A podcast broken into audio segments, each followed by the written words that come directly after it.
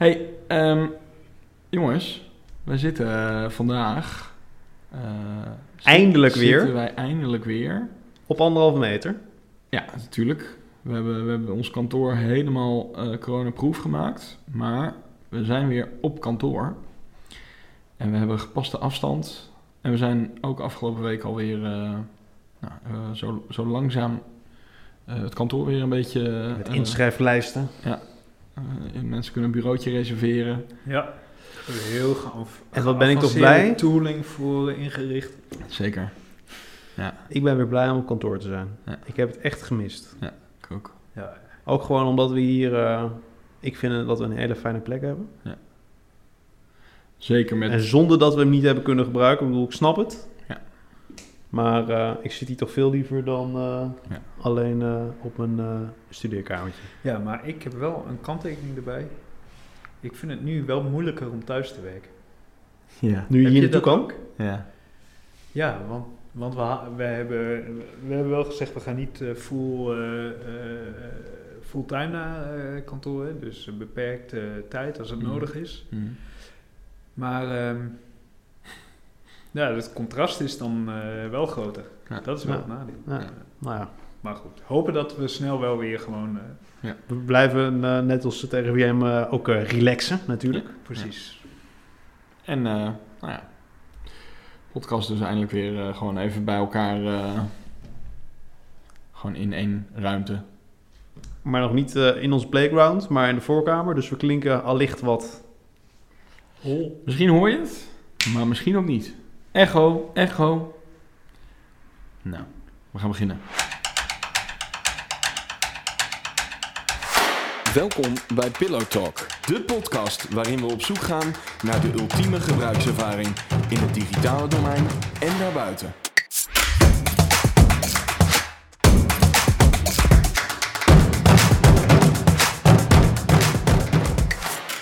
Ik ben Milo van Brugge, account director, mede-eigenaar Pixpillow en host van deze podcast. En mijn naam is Joël Cox en ik ben technisch verantwoordelijk bij Pixpillow en ook mede-eigenaar. Mijn naam is Geert-Jan, ook mede-eigenaar en visueel verantwoordelijk. Oeh, variatie, overflaccatie. Leuk. Nou, leuk. Dat, nou, dat is niet mijn script. En uh, vandaag... Niet consistent. Vandaag hebben we, hebben we deel 2 uh, uit onze reeks. Hoe word je puntje, puntje, puntje bij een bureau? Vorige week hadden we het over een ontwerper. Dus dan is het natuurlijk deze week. Hoe word je developer bij een bureau? Oké, let's go. Wij ontwerpen geweldige gebruikservaringen en daarom hebben we een fascinatie voor de vraag: wat is nou de ultieme gebruikservaring? De gangbare naam voor een gebruikservaring is in jargon de user experience, ofwel de UX. En elke week beginnen we de podcast met de UX fuck-up van de week. En vorige week, omdat we toch in de reeks blijven, had ik een rant die uiteindelijk volgens mij redelijk genuanceerd werd. Ja, eigenlijk begrijp ik het toch wel over uh, Ryanair.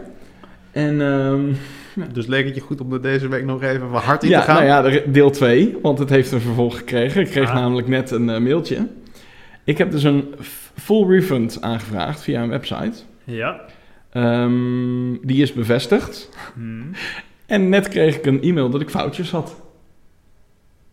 Dus toen dacht ik, hè, dat is gek, want ik had echt gewoon een refund uh, gevraagd. Echt, jongen. Ik, ik zei vorige keer nog, nou, dat ging wel heel makkelijk. Ja. Ik snap niet dat ze dit zo makkelijk uh, teruggeven, het geld. Nou, ik kan je vertellen, dat wordt ook niet makkelijk. Van foutjes naar geld het, is een uh, grote stap. Ja, dat is een heel klein linkje ergens in de tekst. En als je dan naar de pagina gaat, dan hebben ze video's, inf infographics over hoe je die vouchers kan gebruiken. En hoe handig vouchers zijn. En dat vouchers helemaal de toekomst hebben. En het was geen foutje. En het was geen foutje. en, uh, en dat je weer mag vliegen. En je mag vliegen. En tuurlijk, je mag ook voor iemand anders boeken. En tuurlijk, je mag het gewoon een jaar lang gebruiken. En je mag het zelfs meer dan een jaar gebruiken. Als je maar binnen het jaar boekt, mag je gewoon rustig daarna nog een keertje vliegen. Uh, nou, heel lang verhaal kort. Uh, het zijn vouchers. En ze, ze flikken het zelfs om op de pagina hebben ze één blokje met... Oké, als je dan toch je geld terug wilt... dan zeggen ze zoiets als... spreek me er niet op vast, maar zoiets als... Um, je kan dat doen, maar realiseer je dan dat, je in de, eh, dat er duizenden mensen zijn die ook eh, eh, een refund aanvragen en dat je in de queue gaat. En tot die tijd kun je gewoon nog steeds eh, je vouchers gebruiken om je vlucht eh, te boeken. Ja, want die duizenden mensen in de queue, die moeten natuurlijk allemaal één voor één Dat linkje eerst vinden ja, en dan geholpen. Ja, afgehandeld worden. ja dus eh, het ontmoediging Dat duurt game is strong bij Ryanair. Ze, ze gaan echt dit niet... Kijk, ik vond het al gek. Maar goed, dus ze hebben me in zekere zin teleurgesteld. Maar aan de andere kant ook weer niet. Want dit is eigenlijk volgens verwachting. Dus eh, ja, nu komt eh, het eh, waarschijnlijk... Als ik nu mijn geld terug ga vragen... dan heb ik het waarschijnlijk over een jaar of zo. Zoiets verwacht ik. Nou, ik weet, ik weet het niet, maar volgens mij is het 1000 euro of zo. Nou, dat gaat nog wel even duren dus. Ja. Dus dat... eh, Nou, hopen dat ze niet failliet gaan. Nou ja, dat is het wel, hè? Ja. Ze gaan natuurlijk net zo lang eh, dat uitstellen. Nou, ik, eh, ik hoop het niet, maar eh, nou, dat is in ieder geval het vervolg. en wel. Had dan bij KLM geboekt, want die gaan niet failliet. Want die hebben net 4 miljard uh, die krijgen staatssteun. Ja. Of als de HEMA vliegtickets zou verkopen, dan Zou kun je daar ook rustig je vliegtickets boeken. Ja. Nou, dat, dat einde rant. Ehm, heb jij nou juist een, een, een vreselijke of juist een, een geweldige gebruikservaring die je met ons wilt delen? Mail ons dan eventjes naar pillowtalk.pixelpillow.nl of volg ons op Instagram at pillowtalk, de podcast. Ehm, nou, we gaan het hebben over eh, wat je moet kunnen om developer te zijn bij een bureau. Eh, en de eerste stelling is, er zijn geen geschikte formele opleidingen voor developers. Die zeg maar een developer voor een bureau afleveren. Want je, wat heb je wel? Ja, ik denk als je sowieso kijkt bij ons, dan komen mensen van verschillende achtergronden. Je hebt mensen die echt eh, aan, het, eh, aan het HBO eh, informatica hebben gedaan. Je hebt mensen vaak met een, een CNB-achtige achtergrond. Dat is meer een, meer een hybride opleiding waar mensen zelf, nou ja, zelf kunnen kiezen wat ze wat voor interesses ze hebben. Een soort richting binnen de opleiding. En daarnaast heb je eh, eh, MBO-opleidingen die inderdaad wel, ja, dat, gaat, dat heet dan vaak applicatieontwikkeling of eh, nou, iets, iets of grafisch, iets, iets die kant inderdaad op. Ja, en daarnaast heb je natuurlijk ook nog universitair informatica, maar eigenlijk bieden, nou ja, die opleidingen niet echt niet echt een, een goed pad naar wat wij nou ja, vaak zoeken natuurlijk in een, uh, in, uh, in een developer. En nou, ik denk dat bijvoorbeeld zo'n CMB-opleiding dat dat misschien nog wel de, uh, het dichtst in de buurt komt. Want? dat... nou ja, dat is, dat, ik, ik denk dat het misschien sowieso goed is om even uiteen te zeggen wat, wat dan precies is wat wij dan natuurlijk zoeken. Mm-hmm. Bij Pixelpillow uh, zijn we eigenlijk vooral op zoek naar mensen met kennis van frontend. Dus dat houdt echt in dat je de, uh, de ontwerpen die gemaakt worden, dat je die kan omzetten in, uh, nou ja, in een werkbare website. Ja. Of applicatie. Of een applicatie. Ja. En dat je, eh, dus eigenlijk ben je verantwoordelijk voor het, het, het, het, het omzetten van het ontwerp. En daar voeg je een stukje interactie aan toe. En wat daar bij ons vaak nog in zit, is dat daar een. Uh, uh, dat je dat koppelt aan bijvoorbeeld een, een backend, zodat informatie die door een gebruiker ergens in de backend ingevuld wordt, dat dat ontsloten wordt. Uh, en daarnaast hebben we een stukje backend. eh, wat dus eigenlijk ervoor moet zorgen dat je nou, het opzetten van een database en zorgen voor een, eh, een, een interface die eh, gebruikt kan worden voor het beheren van content en het binnentrekken van informatie uit andere systemen. En eigenlijk is, het, is, is dat, dat backend gedeelte, dat wordt altijd wel redelijk door nou ja, echt die, die meer hardere informatica Ja. uh, opleidingen gedaan. Ja. Maar juist dat gedeelte, dat, dat, dat frontend, dat is, uh, ja, dat is wel vaak uh, onderbelicht. Nou, nou was het in het verleden zo, Joël, daar ben ik benieuwd wat jij ervan vindt, maar ook vaak zo, dat had ik het idee dat uh, de programmeurs, echte programmeurs, niet dat die frontend, klassieke frontend, HTML, CSS vaak niet zo leuk vonden. Omdat het, niet heel, omdat het minder exact is misschien, of minder... Ja, nou, ja, dat, is, dat is inderdaad. Kijk, er zijn denk ik veel. eh, eh, veel. Ja, me- meer, meer mensen dus die van die, die informatica-opleiding bijvoorbeeld afkomen. Ja. Die zien dat frontend niet echt als programmeren, zeg maar. Dat is natuurlijk niet. Zo'n markup length. Ja, dat is eigenlijk het structureren. En kijk, kijk een, een, een, een, een, eh, iemand die echt ja, een informatica-opleiding, die denkt al heel snel natuurlijk in eh, als dit, dan dat. En dat is niet, niet iets wat je in eh, de meer traditionele HTML, CSS frontend ziet, waar je eigenlijk zegt, oké, ik heb een bepaalde, eh, een bepaald document, dat deel ik op in bepaalde secties. En die secties die geef ik een bepaalde opmaak mee. Dus die, nou, dat- is een, eh, een blok wat daar staat en dat is op die manier cursief en dat gedraagt zich zo als het scherm kleiner wordt. Dus, dus ik denk ook, en dat hoor je ook bijvoorbeeld van, eh van Rick. Rick is een jongen die bij, eh, eh, bij ons werkt en die van eh Windesheim hier, dus HBO, eh, afkomt. En die heeft ook wel gezegd, ja kijk, frontend is gewoon eh, in mijn hele... eh, de, de mensen die in mijn, eh, in mijn jaar zitten, is dat gewoon... Nou, die vinden dat gewoon niet, niet heel interessant. En je ziet Nee. wel nu, nu we nu steeds meer interactie in het frontend hebben... en eigenlijk steeds meer... eh, vroeger had je natuurlijk heel veel interactie die op de, op de server, zeg maar, draaide. Dus op het moment dat je een, een formulier invult, dan moet dat formulier gevalideerd worden. En voorheen werd dat dan op de server gedaan Dus backend. dus, dus backend. Eh, dat dat steeds meer verschuift naar de frontend. En dat je daar dus ook meer, nou ja, de technieken die je echt leert op zo'n informatica-opleiding. Dus hoe je, met, hoe, je, hoe je code structureert, hoe je bepaalde dingen opbouwt, hoe je eh, nou ja, e- echt meer klassieke programmeertalen gebruikt. Dat wordt, komt steeds meer op het frontend terecht. En dat vinden die mensen dan wel weer interessant. Dus je ziet eigenlijk een beetje dat mensen van eh, twee verschillende achtergronden naar eigenlijk twee, naar, naar het frontend toe bewegen. Ja. En, en wat je ziet, als ik je goed hoor, is dat. ehm, eh, de, dus de backenden schuiven naar meer de frontend kant op, omdat daar, daar steeds meer gebeurt. En de frontenders schuiven door. Nou, ik, ik, denk- ik weet, niet, weet niet zozeer of ze echt opschuiven, want er is nog steeds prima. Verbreden zich misschien.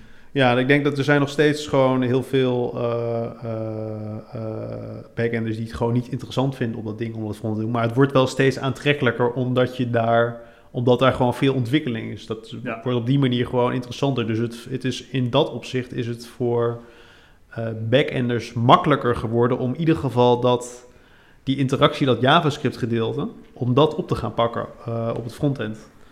En hoe zit het dan met bijvoorbeeld mobiel, met apps? Nou ja, daar zie je ook eh, eh, dat daar veel meer eh, mensen die, die traditioneel echt zeg maar die backend kant doen, of die echt desktop applicatieontwikkeling, dat soort dingen doen, dat dat va- vaak toch wel weer van die informatica opleiding gaat, omdat dat, dat ligt best dat ligt weer wat dichter tegen dat model. En daar zit dan minder nou ja, van die markup, van die, van die CSS dingen, daar zijn dan wel weer ook, die hebben natuurlijk ook een eigen opmaak voor hoe je zo'n mobiele Hmm. applicatie doet. Hmm. Maar dat is over het algemeen is dat ja, weer net vanaf de andere kant benaderd, waardoor je ziet dat dat eh, eh, nou ja, daar vaak eh, wat meer, eh, nou ja, dat, dat daar vaak meer interesse ligt bij die mensen. Maar is het dan zo dat, dat iemand eh, die eerder eh, eh, een, een opleiding deed die meer aansloot op de traditionele backend developer eh, baan, dat, dat de dingen die zo iemand daar leert nu ook steeds meer van toepassing zijn op, eh, op, op iemand die een frontend applicatie bouwt? Ja, nou ja, dat zou, kijk, in bepaalde mate kan je dat inderdaad wel eh, zeggen, omdat de, eh, de, de technieken steeds meer gaan lijken op hoe je op desktop een applicatie Precies, zeg maar ja. bouwt. Kijk, voorheen was het natuurlijk best vaak als je een, nou wat we zeiden, als je met een formulier opbouwt, dat wordt opgebouwd in HTML, dat wordt vervolgens naar de server gedaan en vervolgens wordt er iets teruggespuwd. Terwijl dat nu, nu lijkt dat heel erg eh, op elkaar. En als je echt kijkt naar de, eh, ja, de design patterns, dus de, de manier waarop bijvoorbeeld bepaalde code opgebouwd wordt in modernere JavaScript frontend frameworks, dan ligt dat heel dicht aan tegen eh, eh, hoe je mobiele applicaties maakt of hoe je eh, desktop applicaties eh, maakte al tien jaar geleden. Ja. Dus je ziet dat daar wel veel, eh, nou ja, dus daar... Maar wat, maar wat, wat is dan nu de, nog de, het missende onderdeel in de opleidingen die er nu zijn, wat ze nog niet geschikt maakt om het type developer dat wij zoeken op te leveren, zeg maar? Wat, wat mist zo'n developer dan? Of zo'n opleiding? Ah, dat, is, dus, dat is dus denk ik eh, weer afhankelijk van of welke richting ze zeg maar komen. Mm. Kijk, voor, bij die echte eh backenders, daar is het sowieso dat daar heel weinig aandacht natuurlijk is voor, voor frontend. Ik bedoel, Ja. het is natuurlijk ook maar een klein gedeelte van je, eh, van je vakgebied. Maar er zijn gewoon weinig mensen die daar een, eh, ja, een, een interesse in hebben. Mhm. En misschien ook wel minder docenten die daar iets over vertellen. Of die daar iets in kunnen, of die daar. eh, en het, het moeilijke is natuurlijk, de- zo'n opleiding is niet per se bedoeld om een heleboel concrete technieken, zeg maar, eh, ja, die mensen bij te brengen. Tot op een bepaalde hoogte. Het gaat natuurlijk ook deels Mhm. om concepten als je in ieder geval een HBO-opleiding doet. Eh, maar er is relatief weinig wat mensen daar dan, nou ja, doet kennismaken met frontend. Ja, dus je wil eigenlijk dat. Maar dan wil je waarschijnlijk dat, dat daar ook al in ieder geval de. Het, het idee van user-centered design en, en dat je gewoon. Want ik bedoel, frontend is natuurlijk gewoon in, uiteindelijk design. Dus je moet begrijpen hoe de interface die jij aan het frontenden bent werkt met een echte gebruiker, toch? Dat is dan wat, wat er ook mist. Nou ja, en, en dat is dan weer een beetje wat je dan bijvoorbeeld weer terugziet bij die meer die bredere opleiding, die CMB-opleidingen. Ja, precies, ja. Alleen die missen dan vervolgens weer de, eh, het, eh, het eh, inzicht en de achtergrond die je nodig hebt om die complexere applicaties in te gaan richten. Maar kan het dan überhaupt in vier jaar, Joël? Zo'n opleiding voor zo iemand die jij, wat jij nu omschrijft. Want dat denk ik dan gelijk, dat klinkt wel als een... Ja, klinkt wel als een... eh, een, een- dan moet je wel veel... eh, Nou ja, kijk, ik bedoel, er is, er is, er is geen, eh, er is eh, niet, niet echt een vierjarige eh, eh, front-end engineer opleiding. Nee. Kijk, en ik weet ook niet of, het, of, ik weet ook niet of die er moet zijn, want dat is Nee. natuurlijk wel heel specifiek. Ja, is dat zo? ja, je bent wel... Ja. Nou ja, Ik bedoel, je kan natuurlijk, je hebt ook wel een, een opleiding als je, weet ik veel, tandartsassistent wil worden. Ik noem Ja. ook maar wat. Ja, nee, maar ik bedoel, eh, de, het leven van veel mensen speelt zich op het web af. Je zou zeggen dat, dat, dat er wel ruimte zou zijn voor een opleiding die zich daar eh, specifiek op het front-end deel daarvan focust. eh, of op zijn minst een afstudeerdifferentiatie binnen een bestaande opleiding. Of zo. ja. Toch? U- U- UX, Klink- UX. Academy of zo. Ja. Echt. Dat lijkt me wel een Ja, maar goede de- URL ervoor, ja. Eh, ik denk dat. ehm, ja, ik heb het gevoel. Je hebt toch wel het gevoel dat daar ruimte voor zou zijn. Nou, ik, ik denk dat daar zeker ruimte voor ziet. Want ik denk dat gewoon onze ervaring, en ook waarom deze stelling hier natuurlijk staat. Kijk, onze ervaring is eh, eh, dat, dat wij vaak eh, op het moment dat wij op zoek zijn naar, naar mensen, dan zien we vaak dat mensen van eigenlijk vanuit twee hoeken inderdaad komen. Hè? Mensen die dus meer vanuit de, eh, laat ik het zeggen, de ontwerp grafisch interactiekant zeg maar komen. Dus meer de eh, HTML CSS kant. Ja. Eh, en die dan meestal meer oog hebben voor ontwerp, meer oog voor de meer interesse in die gebruiker. Mhm. Maar, eh, en anderzijds dus die mensen die meer vanuit, echt vanuit de hardere techniek komen, die dan dat oog voor ontwerp weer een beetje missen. Dus het is een Ja. beetje, nou ja, eh, Maar Eh. op, op Windesheim bijvoorbeeld, waar Rick dus vandaan komt, daar heb je wel verschillende richtingen, toch? Die, waarvan de een zich wel iets meer aan de voorkant begint dan, bevindt dan... Ja, maar dat, zijn, dat is dan. Je, je hebt daar eh, opleidingen die. dat is bijvoorbeeld security. Je hebt software engineering. Je hebt business en IT. Kijk, dat is. Kijk, dat, software engineering is dan hetgene waar je natuurlijk. eh, nou ja, wat dan bijvoorbeeld ook de richting is die Rick bijvoorbeeld gedaan heeft. Ja. Maar dat is nog steeds software engineering in de brede zin. In de zin van dat, kan, dat gaat over eh, eh, eh, hele diepe eh, netwerkprotocollen tot over eh, hoe je een mobiele app maakt en hoe je een database inricht. Dus dan heb je Maar als je dan zegt, heb je dan daar een opleiding voor in vier jaar? Ja, kijk, als je dat al moet gaan spreiden over... Ja. Mhm. Het is, eh, nou ja, het- eigenlijk als je het misschien eh, moet, eh, moet vergelijken met bijvoorbeeld... stel, stel je hebt een, bij een arts, die, die doet een basisopleiding. Dan ben je basisarts. Ja. Maar dan mag je eigenlijk nog niks. Nee. Dan moet je je nog echt gaan Nee. specialiseren. En dat is niet een jaartje, zeg maar, wat je als je hartchirurg wil doen. En dan pretendeer ik niet dat front-end development zo complex is als... een- Nou, dan lijkt het ons verdomd veel op dat je dat aan het doen bent. Shit, ik dat probeer ik, dus ik het even af, niet gelukt. Nee, maar ik bedoel, als je, Ja, nee, als je, als, eh, als je dan denkt dat eh, nou, bijvoorbeeld een masteropleiding dan nog eh één of twee jaar duurt, waarvan je eh, nou ja, bij de meeste masteropleidingen sowieso nog een, een half jaar een scriptie aan het schrijven bent. Ja, n- nu, eigenlijk de, die specialisatie die gebeurt nu of door mensen in, in, gewoon in de avonduren, omdat mensen het gewoon leuk vinden, een beetje hobbymatig, Ja. Of het gebeurt on the job. Ja. Toch? Dat is hoe het nu werkt. ja, dat denk ik wel. Nou ja, ik bedoel, ja, ik Als je weet eh, wat je allemaal wel is geen geheim. Ik bedoel, een, een- een Rick kon in basis al natuurlijk frontenden. Maar die leert, eh, leert hier gewoon ook nog een hoop bij, toch? Ik bedoel, dat is gewoon eh, waar je dan eigenlijk je vervolg... eh, nou ja, opleiding, de specialisatie in hoe het frontenden dan eh, in de Ja. praktijk werkt, zeg maar. Hoe je dat doet. Nou, maar ik denk, ik denk inderdaad dat. dat eh, en dat, er zullen eh, heel veel bedrijven ook zijn waar het zit. Maar wij, wij moeten dus op het moment dat mensen vanaf een opleiding afkomen. eh, en dan, dan kunnen ze nog zo, eh, zo, zo, zo, zo slim zijn en zo goed die opleiding nu, nu het doorgekomen zijn. niet meer over Rick, begrijp ik? Hij luistert dit toch niet. Maakt niks uit. Maakt Nee, niks maar uit. nu gaan mensen, gaan mensen zeggen dat we het over hem gehad hebben. En Ja, Rick heeft natuurlijk ook een ongelooflijk goede eh, afstudeerbegeleider gehad. Die hem gewoon ja, daar precies, compleet doorheen geloodst heeft. Ja, Dus eh, dat is helemaal goed gekomen. oké, fijn. Eh, maar, maar kijk, op, op het moment dat zeg maar zo iemand van zijn opleiding afkomt... Tot, totdat je die zeg maar op een, eh, een, eh, een bepaald kennisniveau hebt... waar je gewoon echt kan zeggen... nou, dat die is voorbij eh, junior. Ja. Ja, ben je wel echt gewoon... minimaal denk ik gewoon drie jaar bezig. Omdat het gewoon best wel heel, Ja. best wel heel breed is. Oké, dus eigenlijk, om hem af te ronden...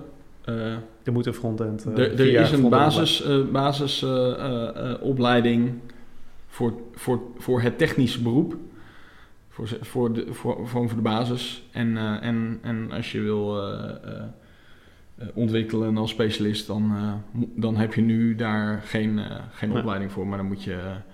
dan doe je dat of zelf, zel- zelfstudie, of je doet dat bij een bureau zoals dat van ons. Dat denk ik wel. En ik denk inderdaad echt dat zo'n opleiding zoals eh eh, Windesheim, eh, eh, dus hier, hier een HBO-opleiding, dat dat echt pri- prima is. Echt, als je het vergelijkt met andere vakgebieden, gewoon echt best wel heel breed is. Mhm. Eh, maar ja, dat het, dat het daardoor dus gewoon, nou ja, je er nog best wel heel hard eraan moet trekken om, eh, om, eh, eh, eh, om daarna op een bepaald niveau te komen dat je, dat je eh, zelfstandig opdrachten op een bepaald niveau kan gaan eh, afwerken. Oké. Maar de, de, de belangrijkste vraag die er natuurlijk op volgt is of je als developer ehm, oog voor ontwerp en interesse in de gebruiker moet hebben. Want dat is namelijk stelling 2. Dan kan je misschien beter aan Gert-Jan vragen, want ja, anders, hebben- anders, Let's hebben die not ontwer- go there. al- alles hebben die, ontwerpers natuurlijk heel veel last van. nou, e- eerst oog voor ontwerp, dat is makkie. Ehm, als je het over eh, frontend hebt, dat wat de gebruiker ziet. Ehm, je kan niet meer alles ontwerpen, doordat alles is fluid. Door, door verschillende schermformaten. Dus je moet als frontend interpretaties doen. Dat was in een, dat was in een ver verleden anders. Hè. Dan was het gewoon een- net alsof je een A4'tje, dan was het gewoon statisch. Dan stond het op zijn plek. En dan Ja, sterker nog, sterker nog, ik bedoel, het Pixel Perfect eh, verhaal, Ja, dat, dat- dat, dat was hele- vroeger ja. heilig. Ik weet nog wel dat... eh, Toen kon je er gewoon het Er ontwerp waren- over de screenshot heen ja, er waren toch? plugins waarmee je inderdaad een, een ontwerp over je webpagina kon heen Ja, ik leggen en dat dan dat ook, kon ja. eh, puzzelen. Ik weet nog dat Koen Bok van, eh, van Framer, die had zo'n toeltje, Glue, Ja, Print ja, of oh ja, dat is nog niet eens zo heel lang geleden trouwens. Ja, en dan kan je half transparant je Ja. layout over je monitor heen leggen, zodat je alles precies op de goede plek kon zetten in, eh, met, met HTML en CSS. En de klant maar betalen. Nou ja, eh, eh, ja, en dan op een gegeven moment dan gaan die schermen, die, die schermen die gaan ervoor zorgen dat je, dat je op, nou ja, eh, van kleinst formaat telefoon tot breedst formaat breedbeeldscherm en alles daartussenin Ja. moet het er goed uitzien. Ja, dan, ja, dan zul je toch als frontender op veel plekken eh, zelf een interpretatie moeten maken en dus moet je dan gevoel voor eh, vorm hebben. Ja. Een beetje in ieder geval. Ja. En ehm, dat is denk ik nog wel het moeilijkste. Ik denk, Maar kan je, kan je, dat, kan je dat ontwikkelen, Gert-Jan? Ik, nou ja, ik denk dat het toch wel... Het is wel een beetje een soort gevoel, denk Ja. ik. Al, Ja. als, eh, ja, en ik denk dat je een gevoel ook kunt ontwikkelen. Maar hoe je dat ontwikkelt, daar heb je dan weer geen gevoel bij. nee. Nou, dat komt misschien nog wel. Nee, maar ik heb daar wel veel over na. ik, ik heb daar wel veel over nagedacht, hè? Want, want je, sommige mensen zien het gewoon, hè? De- denk je dan. Ja. Dus die hebben daar gevoel voor. Ehm, maar misschien hebben ze er wel gevoel voor omdat ze interesse in hebben. En Dat er ik. daardoor scherp op zijn. Al misschien jarenlang. Zo van wat vind ik mooi, wat vind ik niet mooi. En maar ik vond- ik vond geldt trouwens niet alleen voor frontenders. Hè. Er zijn ook ontwerpers. Wij- Er zijn ook wel ontwerpers die er meer of minder gevoel voor. Maar ik vond het wel mooi wat jij volgens mij twee weken geleden inderdaad zei. Van, je moet je afvragen waarom je iets mooi vindt. Ja, En ik heb dat de afgelopen twee weken... Oh, maar waarom vind ik dat dan mooi? En waarom... ja ik dat- denk als je en- dat continu doet, word je, krijg je vanzelf een soort gevoel ervoor, denk Ja. ik. Ja, dat, dat, is, dat is inderdaad gewoon ergens heel bewust, je ergens bewust van zijn. Dat, daarmee train je inderdaad ook dat gevoel. Want ik weet ook nog dat toen ik bijvoorbeeld begon met, ik heb dan zelf zo'n CMD-achtige opleiding gedaan, maar dan een Enschede kunsttechniek. En daar, eh, daar weet ik nog dat we op een gegeven moment, volgens mij moesten we een film analyseren. Want daar had je ook audiovisuele eh, eh, vakken. En dan moest je een film bekijken, maar dan, ja, niet achteroverleunend op de bank, maar inderdaad gewoon alles helemaal kapot analyseren. Op En de dan snijtafel, Ja. Echt. En dan pas begrijp je, dan pas zie je dingen waarvan je denkt van, holy moly, maar dit zit in bijna elke film. Ja, en dat soort dingen. En bij dat soort dingen. En bij, voor kunst en eten gaat dat ook op, heb ik altijd het idee. Dat je. Er is een soort idee dat je iets. eh, ehm, dat Ja. iets objectief wa- eh, mooi is of esthetisch. Maar dat is heel veel is aangeleerd natuurlijk. Smaak ontwikkel je. Ook eh, be- bepaalde. als je een baby een eh, olijf geeft. Wow. Ja. Of. Ja. Er zijn En- wel uitzonderingen, hè? Ja, sommige mensen hebben gewoon smaak van zichzelf natuurlijk. dat is zo. Nee, Ja. dat bedoelde ik niet eens. Maar ik weet niet of dat- jij in Frankrijk wel eens een amulet hebt gegeten. Ja, daar heb je het wel eens over gehad, ja. Ja, dat wil ik niet ontwikkelen, hoor, dat gevoel. Ja, je had het gewoon nog 10, 20 keer moeten doen. En dan... Ja. ja, maar met kunst is het ook zo natuurlijk. Je moet het een beetje... ja, je moet er gevoel Ja. voor ontwikkelen. En dat is denk ik bij... En ik heb het idee dat bij... We zeggen dan oog voor ontwerp, hè? Ja. En ik heb altijd het idee... Als je, als je, als je oog voor typografie hebt als frontender... dan ben je 90% daar, denk ik. Ja. Maar dat is misschien ook wel meteen weer het moeilijkste onderdeel. Typografie en witruimte. Ja, maar, maar ook dingen als, kijk, waar, waar je eh, eh, weken geleden bijvoorbeeld ook over hebt. Kijk, op het moment dat je dat gevoel niet hebt, dan kan je altijd nog terugvallen op regels. En dat zal niet op elke ding zijn, maar net als wat je ook zegt over eten. Kijk, daar gaat dingen over structuur, kleur, eh, eh, te- tegenstellingen, dat soort zaken. Op, op het moment dat je naar een bord kijkt en je denkt, oké, er zit iets knapperigs in, er zit iets zachts in, er zit iets met dit... eh, je ziet hoe, dan, dan heb je al zeg maar, oké, dan zit dat erin. Nou, dan moet het zeg maar al redelijk oké zeg maar Ja. zijn. Ja, en je moet... En als je dan een moes ziet, dan weet je gelijk dat het helemaal... En je moet doseren, hè? Dat zei docent op de opleiding ook altijd van... Kijk, als je tien lekkere dingen hebt, Ja. maar die flik je allemaal bij elkaar... dan is het misschien niet meer Niet lekker. meer zo lekker. De- dus... Maar goed, dat, ja, ook voor ontwerp vind ik eh, wel belangrijk. En hoe je het ontwikkelt, weet ik niet. En dat is misschien weer een beetje hetzelfde als eh, wat, wat jij net zei over... eh, die- dat veel dingen gebeuren natuurlijk buiten je opleiding om, hè? Ja. Gewoon doordat mensen een intrinsieke interesse ergens in hebben. Ja. En, daar, en eh, daar hoop je dan op. En ik denk wel als je de frontend kant op gaat, dat je die interesse waarschijnlijk al natuurlijk Mhm. al eerder hebt dan wanneer je backend developer wordt. Ja. Ja. Ja, en, ehm, en interesse in de gebruiker, ik heb het gevoel dat dat toch wel makkelijker aan te leren is. Je kan gewoon, ik denk als je een, een developer, of nou backend developer is of frontend developer, als je die eh, een aantal user tests laat meekijken wat Ja. een gebruiker doet, dat Ja. dan dat stuk al een stuk beter ontwikkeld is. Ja, en ik denk dat je daar ook gewoon best wel weer... Daar heb je ook best wel truc- trucjes voor, hè? Dat je gewoon... eh blijf maar eens gewoon waarom vragen. Waarom willen we dat doen? En waarom Ja. wil je dat doen? En hoe dan? En hoe dan? Nou, ik bedoel, wat je... eh, eh, volgens mij van de week een paar keer tegenkwamen... dat op een gegeven moment dat er... we bezig zijn met implementatie van een ontwerp... en dat er nog een keer... iemand die kijkt er nog een keer naar die het aan het implementeren is... en denkt, ah, ik heb geen flauw idee hoe, hoe dat zou moeten werken. Voordat hij het ging maken. Ja. En dat die volgens, volgens mij bij jou... nou, Oké, hoe, en hoe werkt dat dan? Ja. Want ik zie het zo niet. En volgens mij zijn er dan twee dingen. Je kan het gewoon zien en je denkt... Fuck it, ik ga het gewoon maken zoals het bedacht is. Of je bent scherp en je denkt... Hey. Ja. En dat is natuurlijk ook iets op het moment dat Gert-Jan zou zeggen...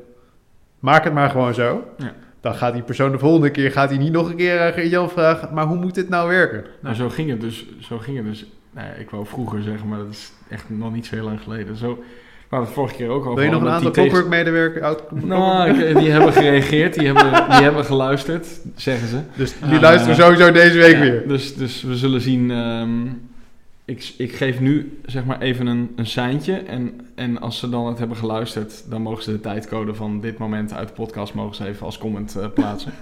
dan weten we dat ze weer geluisterd hebben. Ja. Ehm, eh, ik verwacht weinig comments. Maar ehm, nee, dat was dus ja, dat was wel zo. Ik bedoel, wat ik vorige keer inderdaad zei over die collega's, die tegenstelling tussen eh, echt, echt die verschillende disciplines.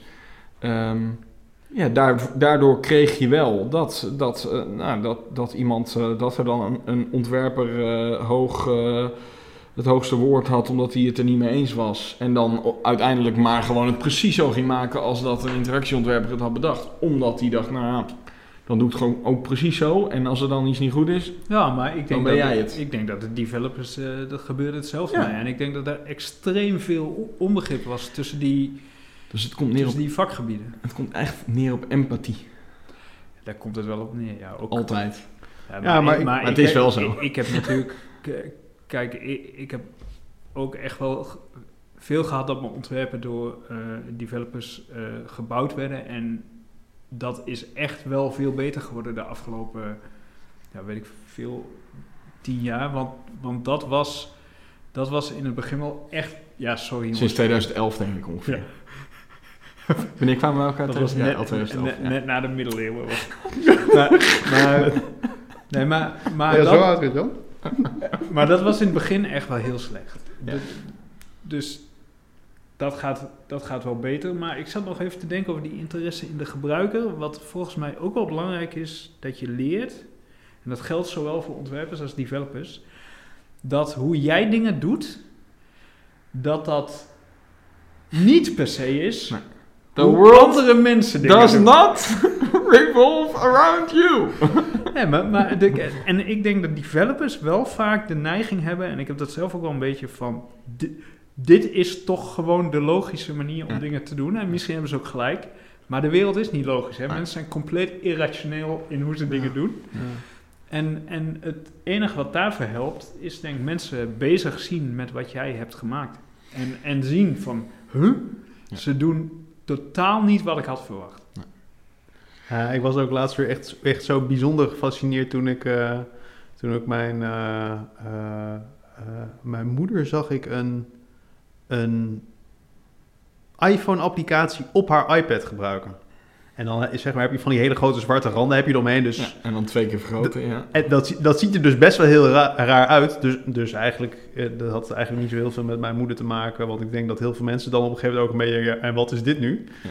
Maar die was dus ook eh, die was dus in een soort lijstweergave in een iPhone-applicatie. En dan was ze dus daarin gegaan, dus een niveautje dieper. En toen wilde ze weer een niveau omhoog. En normaal gesproken heb je dan altijd helemaal linksbovenin... heb je dan natuurlijk dat pijltje staan. Ja. En mijn moeder die gebruikt al, eh, weet ik veel, al... eh, acht jaar gewoon iOS. Dus dat, die, die weet dat echt wel. Maar omdat die applicatie zag ik haar dus, zeg maar, dat uitzoeken, dat je teruggaat naar je homescreen, zeg maar. Dus dat je alle vingers op het scherm doet en dan Oh.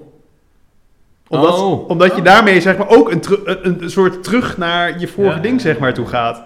Dus enerzijds dacht ik, nee, dat ze dat, dat, ze dat. Gebaar al wist. Want ik Ja. gebruik dat zelf natuurlijk helemaal niet. Nee, ik weet die multi-touch ding ook nog zo. Nee, dus, dus, dus enerzijds dacht ik, dat is wel zeg maar een, eh, een, een ervaren gebruiker. Ja. Maar die was dus gewoon zo van de wijs dat die applicatie gewoon, dat er niet helemaal linksboven in dat ding staat. En dan was het weer een paar rare contrastkleuren en een heel Ja, klein kleurig ja, pijltje. Dus ik, ja, zo simpel is het dus om iemand van de wijs te maken. Nou, maar dat is ook een beetje, kijk, je, je, je, het hebben van interesse in de gebruiker is mooi meegenomen, maar het is ook gewoon je werk. Ik bedoel, we zijn geen kunstenaars, we hebben een toegepast vak, je doet het voor iemand. Dus Ja. je moet gewoon, het, het, Het is gewoon onderdeel van je functieomschrijving dat je gewoon je in die persoon kan verplaatsen. Dus, Ja, ja, het is niet optioneel eigenlijk. Het is niet optioneel. Nee. En toch gewoon. kunnen 90% van de mensen, en wij, ook- wij ook niet altijd, die doen het niet. Jawel, wij Ja, maar en, en wat je moet realiseren gewoon is dat, dat, dat, die, dat die gebruiker eh, afwijkt van, van jou. Maar als je al kijkt, als je een doelgroep als kinderen hebt, bijvoorbeeld. Ik heb ehm, afgelopen week heb ik bijvoorbeeld mijn, mijn eh, oudste zoontje Sam, die is dan 9 nu. En die heb ik Ctrl-C, Ctrl-V geleerd. En dan is hij 9 jaar. Hè? Want die werkt namelijk nooit op een... eh, Computer. computer met een muis en een toetsenbord. Die Ja. doet zijn leven lang. We hebben een iPad Pro thuis. Die doet zijn leven lang eh, alles al op een iPad. Bizar. Heeft geen idee. En als je dan ziet, mijn zoontje daaronder, die is zes. En die wilde een droomhuis. eh, die heeft allemaal theorie over zijn droomhuis. Dus ik dacht, ik ga dat eens met hem eh, digitaal proberen te maken. Dus ik had zo'n app gedownload waar je Minecraft. dan, dan huizen mee kan maken. Maar hoe snel die dat in de vingers had, dat was echt bizar. Want dat was gewoon een, een app voor volwassenen hè, om huizen mee, interieurs mee te maken. Maar hij eh, had in no time door hoe die muren kon maken en kleurtjes kon aanpassen en zo. Dat, ik- Ja, het architectje. dat je denkt. Eh, maar toen zag ik hem ook dingen doen. Ik liep zelf ergens op vast en dat snapte hij wel. Want er, was een, er schoof een paneel uit en dan kon je de kleur van de vloer. En ik had de vloer geselecteerd. Dus dan Ja. denk ik, als ik dan op de kleur tik, Maar je moest erheen slepen of maar zo. je moest het erop slepen. Ja, dat is toch eigenlijk Daar liep ik op vast. Ja. Daar liep ik op vast. En hij had dat al. Ja, ik snap, nee, maar ik, ik, ik, ik denk dat dat zo is, omdat ik me verplaats in hoe je dat als kind Ja. zou bedenken. Ja. Alles is Vingerverf. drag and drop. En dan, eh Dus grappig. dat, eh, dat vond ik wel mooi om te zien. En, en eh, dus als eh, developer en, heb je interesse in de gebruiker nodig, denk ik. Al, Ja. al is het wel zo, misschien, Joël, dat als developer heb je natuurlijk wel vaak... ehm, nou, wat jij net zegt is eigenlijk dat je als developer signaleert als het niet gebruiksvriendelijk is. Dat er iets ontworpen is. Ja, maar kijk, ook wat jij zegt, er, er is natuurlijk ook heel vaak de... ehm, niet alles wordt uitontworpen. Nee. Dus dat is het, je, ja. En je, je kan dan kiezen, oké, ik doe de makkelijke manier, die het snelste is.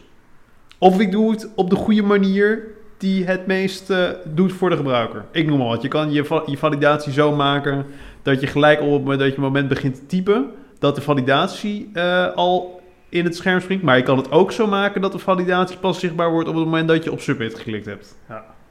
Kijk, ik bedoel, dat is... Of dat je tapt naar het volgende veld. Ja, dat is, dat, is, dat, dat, dat is denk ik al wel weer, e- een, weer een, stu- een stukje hoger, omdat het gewoon vaak ook weer gewoon echt wel weer wat, wat, wat, wat meer vereist. Maar dat zijn dus wel van die dingen. Of dat je inderdaad eh, je zorgen maakt om, eh, ik denk dat accessibility is ook zo'n ding hè. Kijk, op het moment dat, eh, dat daar natuurlijk een specifiek budget voor is bij een klant, omdat die wettelijk verplicht is om dat te doen, ja, dan is, het, dan is het natuurlijk makkelijk om te doen, want dan is er gewoon tijd voor. Ja. Maar op het moment dat dat er niet specifiek is en het moet er ook nog weer bij. Ja. En als we het bij je opleiding al niet zeg maar, gehad hebben over hoe je eh, je CSS zeg maar, op, een, op een goede manier structureert, ja, dan hebben ze het al helemaal niet over accessibility gehad. Nee, nee, Nee. nee. Dus dan moet je al iemand hebben die of daar op een of andere manier intrinsiek voor gemotiveerd is, of het moet iets zijn waar je als bureau zeg maar, nou ja, echt een, misschien wel best wel al een statement van moet maken om dat mensen bij te brengen. Ja, Want als je kijkt wat ze allemaal aan moeten leren, dan is dat toch wel, hoe slecht ook, staat niet zeg maar in de top 10. Nou, ik vind ook, eh, en dat hebben jullie misschien ook, ik vind ook vaak die, ehm, eh, de- die, die mensen die daarin een beetje de higher ground eh, nemen, hè, van eh, dat, dat moet je doen en dit en dat. En dat hoor je over accessibility, maar ook soms wel andere dingen. Dat denk ik wel, wel vaak. Ja, maar het is ook, en dat wordt nooit gezegd, hè, maar het is ook gewoon geldkwestie. Hè? Ja. Er moet al zoveel voor een bepaald budget. En inderdaad, wat je zegt, dit komt er weer bij. Ja, en, en heel lullig, maar ik bedoel, kijk, voor... Voor, een hele kleine doelgroep. Voor een hele kleine groep mensen. Het is een beetje hetzelfde als dat je... Ja. eh, Nou ja, nu, nu doe je dat sowieso niet meer, maar een, een paar jaar geleden dan, eh, dan zei je van ja, we kunnen dat maken. En als je het ook in ISS-werk wil hebben, dan kost 10% extra. Ja. Ja, dat is gewoon precies hetzelfde. Alleen dat was, niet, dat was niet lullig, want iedereen haat de ISS, maar je mag natuurlijk niet iemand met een... Ik bedoel, het is natuurlijk gewoon ook wel het goede om te doen. Om Nee. het gewoon zo De- accessible mogelijk te dus- zo open mogelijk te maken. Dus je doet dat vanuit een visie dat, dat je dat belangrijk vindt. Ja, Ja. maar die, die, om, om die visie in uitvoering te brengen heb je wel eh, extra tijd nodig. Want het is gewoon, een, eh, het is gewoon wel veel werk over het algemeen. Ja. Ja. Oké, we ronden deze stelling eh, af. Ehm, want volgens mij kunnen we wel zeggen dat dit wel echt vereist is. En, en als laatste dan misschien nog voor deze stelling, niet alleen maar bij Pixelpillow. Hè? Ik bedoel, ik zou zeggen dat dit gewoon Nou, ik denk... voor elke frontender die iets maakt dat voor een eindgebruiker gewoon de interface is, dat die daar toch enig gevoel voor moet hebben. Los van alleen ons bureau. Ah, ik denk sowieso een- voor ontwerp, want anders ben je, ben je gewoon in je team ben je gewoon. Ja. Dan moet je altijd, eh, het moet altijd een ontwerper zijn die, die het handje vasthoudt van de frontender. Ja. Dus gewoon niet haalbaar. Nee. Eh, kijk, en dat interesse van de gebruiker, idealiter ja. Maar kun je leren. Eh, ja, maar ook natuurlijk, kijk, ik heb net dezelfde discussie. Kijk, op het moment dat je een campagnewebsite zeg maar, maakt en de, de, de mate van interactie is minder complex. Kijk, noem maar wat. Stel dat jij de, de, de, de, de Mac Pro eh, scroll website maakt van Apple. Mhm. Ja, dan als het zeg maar gewoon slecht functioneert, dat is gewoon het doel op zich. Dus daar is gewoon minder... ja, als, als die scroll niet soepel is, zeg maar, ja, eh, dan, ja, dan valt het hele concept natuurlijk gewoon om. Mhm. Eh, maar ja, dan heb je dus alweer minder interesse in de gebruiker voor nodig. Dan moet je gewoon iets fucking cools maken. Ja. Ja. Eh, dus het, is ook weer, het heeft ook weer te maken. Ik denk dat het bij ons juist extra belangrijk is, omdat wij natuurlijk graag dat functionele doen. Ja. En dat Ja. wij graag iets maken wat bijvoorbeeld geschikt is voor ouderen, of wat geschikt is voor kinderen, of wat, nou ja, ga zo maar door. Of wat heel complex is, waardoor je juist eh, de interactie veel complexer is, waardoor je, nou ja, juist die interesse weer moet hebben. Eh, en dan de laatste stelling is: de developer moet steeds meer kunnen om bij een bureau aan de slag te gaan. Nou, dat haakt, haakt wel een beetje in waar we het net over hadden, hè, over dat accessibility, dat soort Ja. Er zijn best veel dingen die je moet begrijpen en, en ook daadwerkelijk moet kunnen doen. Laten we eens een lijstje maken. Oeh. Motion. Ja. Ik begin bovenaan. Bij Ja, de, even bij, bij echt de, de esthetische... Bij, bij de, ja, waar, waar- hoe zit, waar zit dat in die piramide? De, de delight. Ja. Motion. Performance. Performance. Ja, performance is op een bepaald niveau is dat natuurlijk, Accessibility ook. Ja. op een bepaald niveau is het een basisvoorwaarde, maar zeg maar de laatste 20% is wel gewoon kers op de taart, zeg maar. Dat je Ja. gewoon 100% page speed of light, eh, lighthouse score, zeg maar, haalt, wat discutabel is of dat nog iets brengt, maar... Mhm. Maar ja, je bent toch een beetje OCD. Je, dus bent toch, wilt je die wilt groene toch, je ja. toch de 100% score hebben. Ja. En dan responsive. Goed. Ja. Microstandaarden. Ja. Wat? Micro wat? Sorry, ik doe Ik zeg gewoon ja. Ja, Geen idee. laat hem maar. Laat hem maar gaan. Wat heb je nog meer? Nou ja, ik, ik, ik, knik wel gewoon, ja? wat, wat kwam ik nou laatst tegen waar ik het over had met mijn squirkles? Ja, oh, ja, dat is een leuke. Ja. Eh, CSS Houdini. ja. Een of andere eh, mogelijkheid om je CSS te gaan extenden, waardoor je gewoon een eigen hele grafische context krijgt waar je met Canvas gewoon je eigen shit kan maken, wat echt heel cool is, maar wel weer complex. Ja, dus dan moet je ook. Dat is gewoon wiskundig. Daar moet je echt wel. eh, toch? Dan wordt het wel echt wiskundig. Dan moet je bepaalde. hoe een vorm tot stand komt. Ja. Geometrische vorm moet je dan toch eh, begrijpen Ja. hoe je dat eh, berekent. Nou, wordt zo niet per se heel makkelijk. Dat is natuurlijk in Sketch makkelijk gedaan. Maar Ja. als je het vervolgens moet gaan schrijven. mathematisch moet oplossen, dan is dat ingewikkelder. Ja, en, daar, en daarnaast heb je volgens mij ook weer gewoon een heleboel dingen die niet per se echt in de, de light zitten, maar die gewoon, ja, gewoon weer advanced shit is. Eh Shadow DOM. Ja. Eh, progre- progressive Web Apps. Ja. Eh, orientation API. JavaScript frameworks. Ja, ik bedoel, dat, dat is nog maar echt, nou ja, waar had je het over? De React Native, dat soort dingen hoor je dan Ja. allemaal langskomen. Ja, React Native is dan weer mobiele applicatie, dus dat is weer niet Ja. echt frontend. Maar nou ja, oh, we gaan eh, de, de, de XHTML request vervangen door fetch. Ik noem maar wat. Ik Ja. bedoel, dat soort dingen. het eh, verandert ook constant. nou, Dus dan- en, en dan het hele ecosysteem eromheen. Hè? Eh, Pre, pre-compile, SAS, eh, Ja. GitLab, Babel, NPM, de- Yarn. Docker. weet ik- ja. Alleen al dat, joh. Ja. Ik vind het echt onwaarschijnlijk zo langzamerhand. Hoe, door hoeveel hoepels je moet springen voordat je überhaupt... Ja, kijk, als die hoepels maar gewoon heel laag hangen, dan spring ik er wel gewoon doorheen. Maar... Die groot zijn. En best wel groot zijn. en ze moeten Dat jij straks nog een pixelpilologie doet. Oh, een hoepel. Oh, nee. Ja, we waren er al, we waren al tot de conclusie gekomen dat, wat, wat was ik, een, eh, niet een unicorn, maar een minicorn. Ja, ik weet een heleboel, maar ik kan het allemaal niet zo heel goed. En Nou, wat maar ik kijk, ik dan Wat ik me dan soms afvraag, dit moeten we nu allemaal kunnen. Hm. Maar vroeger konden we dat niet en dan had je ook websites. Ja. Kunnen we niet weer terug naar een soort Ja, jij wil gewoon weer een flash, hè? eenvoudige Echt, jongen. flash, ja. En dan kon je gewoon iets daar neerzetten. Ja, of, wat, of als er dan een tool zou zijn. If there only would be a tool to create beautiful websites without coding. Which you would flow through the website. The web flow. Would be great. If there would only be such a great tool. This podcast contains product placement. Dat is zo jammer. Nee, maar ik bedoel, ik denk dat, dat... Kijk, en ik denk ook niet al die dingen die je noemt, kijk, die zijn op... eh, kijk, het gebruiken van, ik noem maar wat, een webpack. Wat dus een soort manier is om je JavaScript en je, en je CSS te bundelen. Of je gebruikt Babel, wat zeg maar gebruikt wordt om je JavaScript naar nieuwe ver of om te transpileren naar nieuwe versies en dat soort zaken. Kijk, je hoeft natuurlijk van al die zaken hoef je niet het daar hoef je niet, in, daar hoef je niet heel intiem mee bekend te zijn om het te gebruiken. Maar als het opblaast, en dat gaat het een keer doen, dan moet je wel weten wat je moet doen. Je moet weten hoe je het moet gebruiken.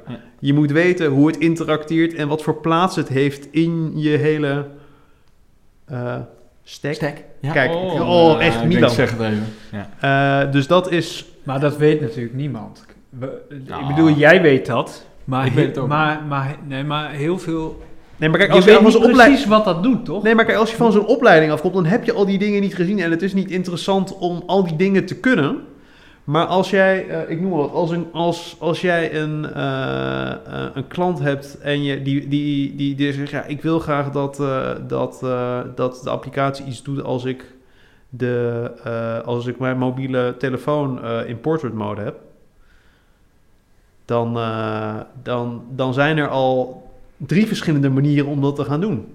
Je kan in je JavaScript gaan kijken of het scherm geresized is van horizontaal naar verticaal. Je kan in je CSS gaan kijken wat de verhouding is De van de viewport. query, ja. Of je kan de orientation API gaan gebruiken die niet in alle browsers ondersteund wordt of andere resultaten geeft. Maar ten eerste, wie gaat je vertellen dat die drie mogelijkheden er zijn? Dan moet je dus al weten Ja. dat al die dingen er zijn. Nou ja, kijk, en dat is volgens mij ook wel eens wel een probleem. Kijk, op het moment dat je natuurlijk maar een heel klein gedeelte van die tools hebt. Kijk, je hoeft niet alle tools te weten, maar als je weet dat het bestaat, kan je op het moment dat je iets nodig bent, kan je gaan kijken, is dat iets wat ik heb gehad? En dat vond ik bijvoorbeeld heel waardevol in mijn opleiding. Ik heb een opleiding gedaan waar, eh, dat ging ook overal niet echt super diep op in. Maar ik weet wel dat het er allemaal is. En als ik Als je weet dat herken dat het, dat, het, eh, dat, dat het probleem op, lijkt op een van die dingen die ik ooit gezien heb, dan weet ik waar je moet gaan zoeken. Ja. Maar als je niet weet wat er is, kan je het ook niet vinden. Maar het interessante is wel dat jij dus hebt onthouden wat je op je opleiding hebt geleerd. dat, dat is het enige Ja, wat ik nee, hoor. Nou, maar dat, Dat dat, heb ik namelijk niet. nee, dat, dat- maar dat hoor ik Dat ook ging van- er dan s'avonds direct weer, eh, die hersencellen die dat hadden op geabsorbeerd. Ja. Die gingen dan gelijk weer eraan. ja, die, ja, die werden vakkundig om zeep geholpen. ja. Ja, en daar had je geen joint voor nodig. Nee, Nee. dat ging op een heel andere manier. Dat ging heel anders. Maar dat, sorry, Maar- dat, eh, dat was wat ik eruit Ja, haalde. maar, ja, maar dat is wel een beetje zo. Nice takeaway. Ja, Nou ja, maar een, een goed geheugen is wel een zegen, denk ik. Maar Ja. daar- daarom ben ik in een visueel vak eh, beland, denk Ja. ik. Ik las laatst over de for- forgetting curve. Toen dacht Ja. ik, eh, ja, dit is bij Die was mij- vrij mijn stijl. ja, ja. Maar, maar, Oh. ja. Leuke tangent. Ja. nee, maar het is, wel, het is wel zo, als je, als je dus... Het is natuurlijk wel zo, dat er is veel informatie beschikbaar als je weet waar je moet zoeken. Maar dan moet je wel ongeveer snappen er wat is je natuurlijk niet is. Ja, maar er is, er is niet zeg maar een, eh, een soort eh, index van oké, Nee, dit is wat je moet gebruiken. dit moet je zeg maar allemaal zien. En op het moment dat je denkt, oké, ik wil graag... eh, eh, het gaat, kan om hele simpele, simpele dingen gaan. En kan ik deze, de- deze functionaliteit in een browser zeg maar gebruiken? Ja, dan eh, zegt Arjen, eh can I use? En, dan ga- en, en, en, en, sommige, en de meeste mensen "Wat- wat bedoelt hij nou? Maar ja, wij bedoelen, dat is een website waar je kan zien of een bepaalde functionaliteit in een browser, in welke browser die ondersteund wordt. Ja, Ja, hoe moet je dat weten als je van een opleiding afkomt? Ja, dat gaat niemand je vertellen. nee. Ja, maar dat is ook wel een beetje... Dat is, dat- weet je wat de grap is? Dat is ook wel een beetje wat het natuurlijk exclusief maakt, hè? Klopt. Dat is wel echt zo.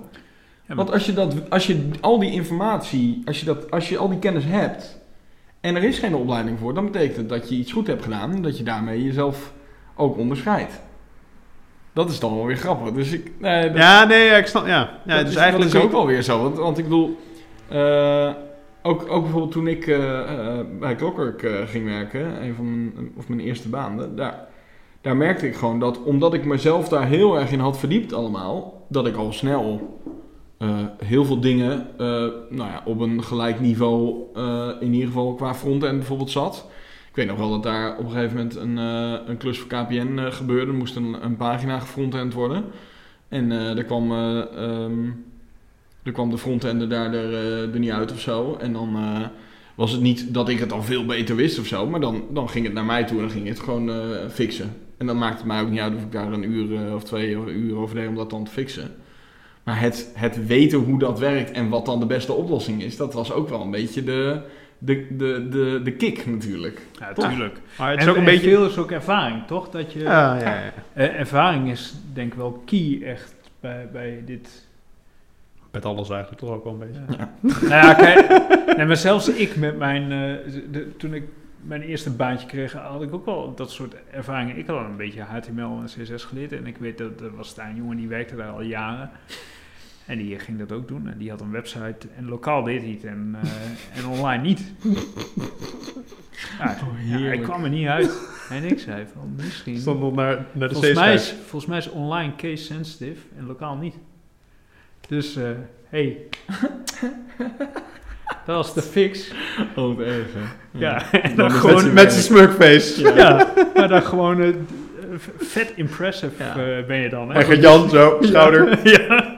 En die ging, en die ging nog een kop koffie halen. Maar dus, Het is natuurlijk omdat je dat zelf, die fuck-up, ook Ja. een keer hebt gemaakt. Het is gewoon Ja, maar bedoel, door, door, door eh, schande, zeg maar, eh Ja, dat is schade en schande Ja, ja. dat is wel, wel echt waar. Maar, ehm, oké. eh, je moet gewoon verdomd veel kunnen. En we hebben het natuurlijk over die opleiding gehad. Dus daar valt nog wel wat eh, te halen. Maar als ik het zo hoor, dan... Jij zegt net voor de grap, er is niet een index waar je bepaalde dingen in kan vinden. Maar het zou wel handig zijn. Ja, nee, maar er zijn wel een aantal van die lijstjes. Maar ik bedoel, er is geen formele opleiding die dat allemaal afdoet. Nee. En wat ik persoonlijk... ehm, nou, het frustreert me niet, maar wat ik... eh,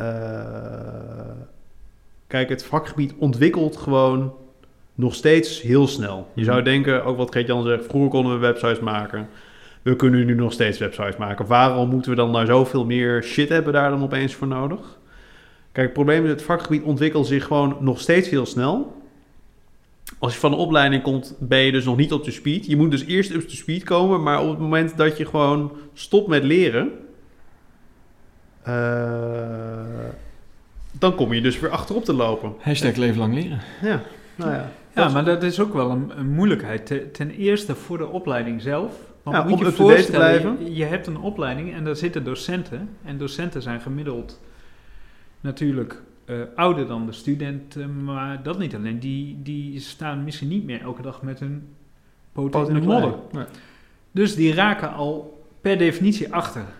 Dus hoe kun je überhaupt zo'n vak, hoe kun je zo'n opleiding inrichten als het werkveld zo hard verandert Ja. continu? Dat is al denk ik een hele uitdaging. Ja, maar, maar ook als je eenmaal aan het werk bent en je bent zeg maar redelijk eh, eh, senior. Kijk, voor, eh, wij hebben bijvoorbeeld best wel goede regelingen om mensen dat, dat ze aan de, nou, met opleiding zeg maar bezig kunnen.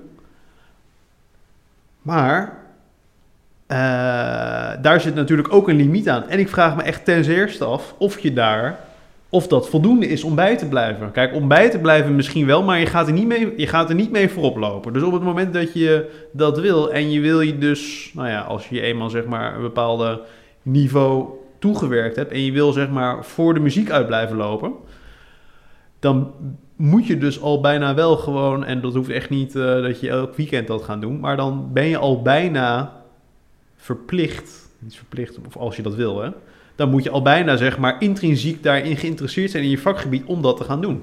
En dan komen we weer op onze 9 tot 5 mentaliteit. Ja, en ik denk dat dat, dat is best wel. eh, ik, ik, Maar ja, werk, werk is ook. Moet ook gewoon werk zijn, toch? Ik bedoel. Ja, maar- dat, moet, dat, dat is, het is zeg maar heel moeilijk in te passen. Eh, in gewoon je, in het normale werk. Ik bedoel, je kan niet een dag in de, ma- in de, in de week kan je zeg maar aan je opleiding. Nee, maar als jij een 9 tot 5 mentaliteit hebt, ehm, wat, wat wij pretenderen te hebben en daar trots op zijn, en daar een artikel over hebben geschreven wat je op onze website kan lezen, dan ehm, eh, dat zorgt er denk ik wel voor dat eh, mensen, kijk als mensen constant moeten pieken en vlammen op hun werk, dan gaan ze echt niet nog even in het weekend de nieuwste eh, eh, versie van Docker eh, proberen, omdat ze daar zo zin in Nou, hebben. dat doet sowieso vrijwel niemand in zijn weekend ook als hij niet hoor. Dat- nou, oké, misschien, misschien is dat dan niet het beste voorbeeld. nee, Maar in ieder geval iets, iets wat nou- erop lijkt. Ja. Maar we kennen het allemaal toch, dat je de, de, de side projects. Ja. De side projects zijn denk ik vaak bedoeld om vanuit intrinsieke motivatie jezelf verder te ontwikkelen, nieuwe dingen uit te proberen en zo. En daar zit gewoon een grens aan. En dat heeft ook met de levensfase denk ik te maken. Als jij bijvoorbeeld, ehm, ik kan me zo voorstellen, als je jonge kinderen hebt, dan eh, wordt het al een heel ander verhaal dan, dan wanneer je net van de opleiding af bent. Ja. En, ehm, en, ik, en op een bepaalde manier is het misschien ook wel een beetje demotiverend. Hè? Dat je. ehm, ik, ik, ik heb best wel ook wel tijd ge. Ik bedoel, ik ben al ontwerper, maar ik heb ook wel tijd geïnvesteerd in, eh, in WordPress-sites proberen te bouwen. Hè? En me in HTML en CSS en SAS en dat soort dingen te verdiepen.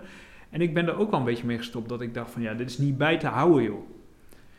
Ehm, terwijl als ik nu InDesign open, ik heb me ook heel veel verdiept in drukwerk, in kleurprofielen, in Mhm. hoe CMYK opgebouwd wordt en zo. Nog precies nu- hetzelfde. Allemaal nog precies hetzelfde. Als ik nu InDesign open, die kennis is nog net zo waardevol Ja. als 20 jaar geleden. En dat is wel een Ja. dingetje. Ja, Terwijl, terwijl ja. al die frontend kennis over 10 jaar... Doen we allemaal webflow. Oh shit. Oh, Oh ja, dat was het. Hey Siri. Make me a website. Make, make, Zit jij make, nou in een podcast Hey Siri te zeggen? Ja. Of Hey Google? Of Oké Google? En dan dat Google iets moet doen? Ja, Doe maar, jij dat nou? Maar, maar ik denk inderdaad, om, dat, om deze stelling af te ronden, ik denk dat dat... Eh, kijk, er zijn, er zijn natuurlijk altijd collega's eh, die dat dus doen, omdat het echt... Die, zijn echt, die hebben echt een... eh, eh, die vinden blijkbaar het vakgebied zo leuk... Ja. dat ze in de vrije tijd daar nog mee bezig zijn. Eh, en dat legt natuurlijk ook wel een soort... Nou ja, ik kan me voorstellen dat mensen dat allicht zo ervaren. Ook een soort druk bij de mensen die dat natuurlijk niet ja, hebben. Ja, ja, ja.